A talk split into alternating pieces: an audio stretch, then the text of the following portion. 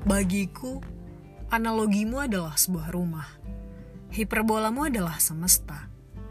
Metaforamu adalah aku. Lalu, apa yang salah dengan semuanya? Jawabnya adalah kamu.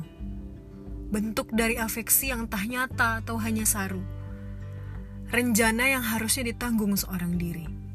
Kini tak lagi mampu aku tutupi. Jiwaku mengerang atas kutukan ini. Perasaan yang menjadi terinfeksi. Atau sebuah privasi yang harusnya tak kau ketahui. Kamu adalah simponi yang sempurna lagi dan lagi. Namun sayang beribu sayang, senyum, detak bahkan hembusan tak bisa dekat terbayang.